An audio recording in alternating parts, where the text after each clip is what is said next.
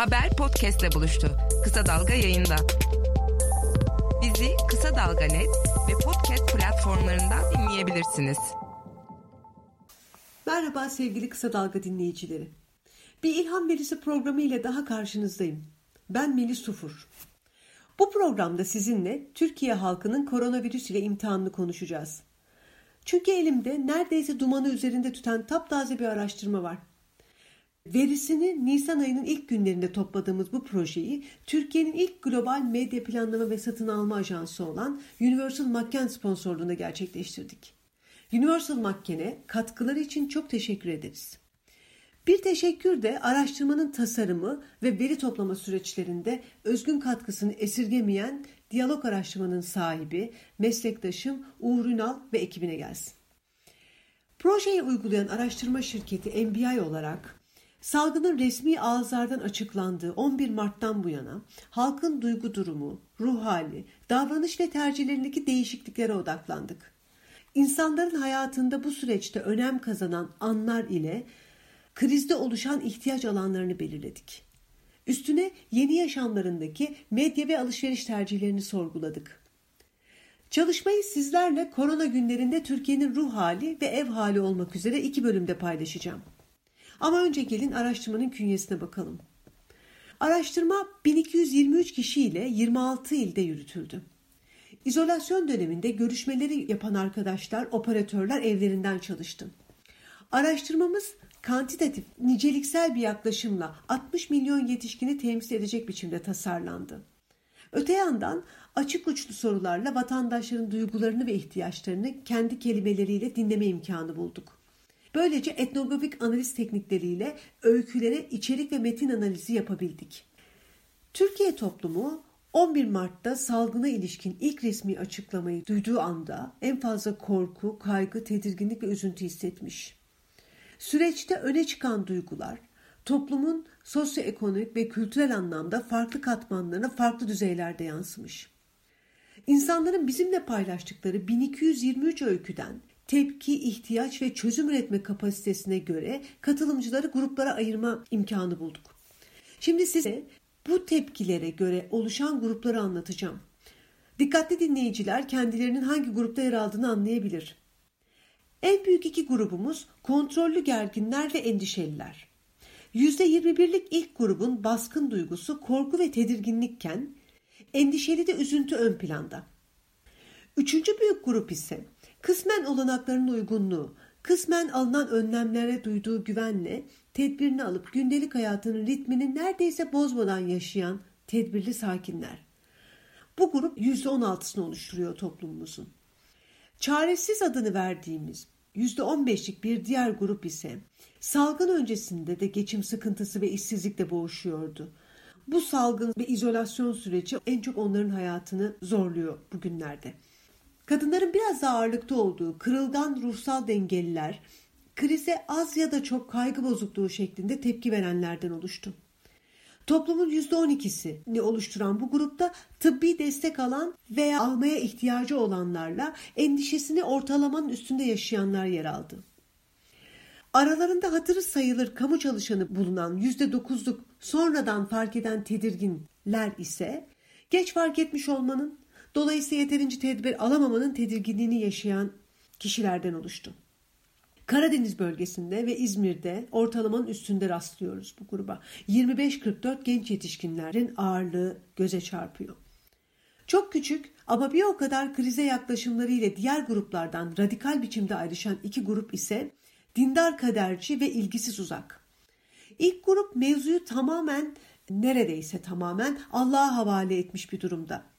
%4'lük büyüklüğüyle yaklaşık 2,5 milyon kişi olduğunu tahmin ettiğimiz bu grubun %36'sında mutluluk, iyimserlik duygusu hakim. İlgisiz uzaklar eğitimli, genç, erkek ağırlıklı bir grup. Bunların %21'i virüs sonrası hayatında değişen bir şey olmadığını söyledi. Oysa bu oran bütün araştırma toplamında %9. Türkiye'de iş gücü katılım oranı TÜİK Ocak ayı raporuna göre %51. Bizim araştırmamızda ise %44. TÜİK 15 yaş üstünü, biz ise 18 yaş üstünü kapsıyoruz. Fark muhtemelen buradan geliyor. Salgın öncesi evden çalışanlar Bizim araştırmamıza göre toplam nüfusun yüzde birini oluştururken yani yaklaşık 650 bin kişiden söz ediyorum. Şu anda yüzde yediye çıkmış vaziyette.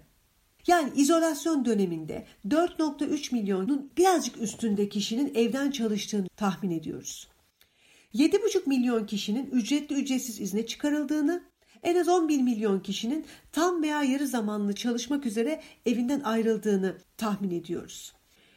33,6 milyon kişi de zaten çalışmıyor.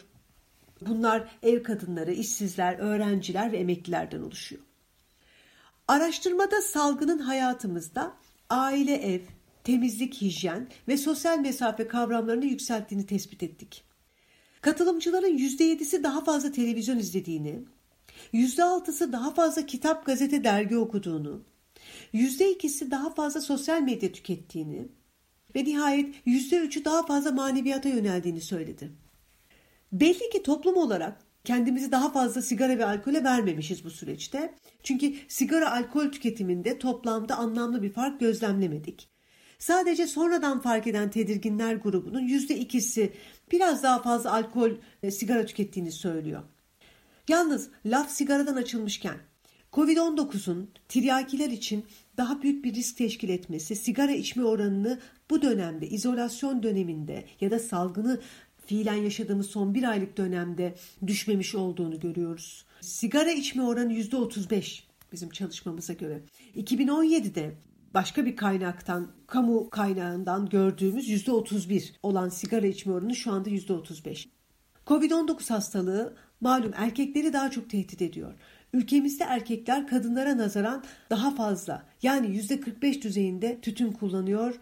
Aman diyelim dikkatli olmaya davet edelim vatandaşlarımızı. Toplumun %75'i virüsle ilgili Sağlık Bakanı'ndan gelen bilgilere güveniyor. Sağlık Bakanı'na güven konusunda gruplar arasında fark olmazken hükümetten gelen bilgilere dindar kadercilerin ortalamanın üstünde güvendiği gözleniyor. Sağlık Bakanı'nı sağlık çalışanlarının bireysel açıklamaları ile hükümet açıklamalarına güven takip ediyor. Bilgi kaynağı olarak televizyon haberlerine sosyal medyada yer alan haberlerden daha fazla güvenildiğini anladık. Kurallara uyuyor muyuz? Bunları da sorduk. Türkiye'de koronavirüse karşı önlemler arasında yer alan el yıkamayı yapmayan yok. Kolonya %85, dezenfektan ise %61 oranında kullanılıyor.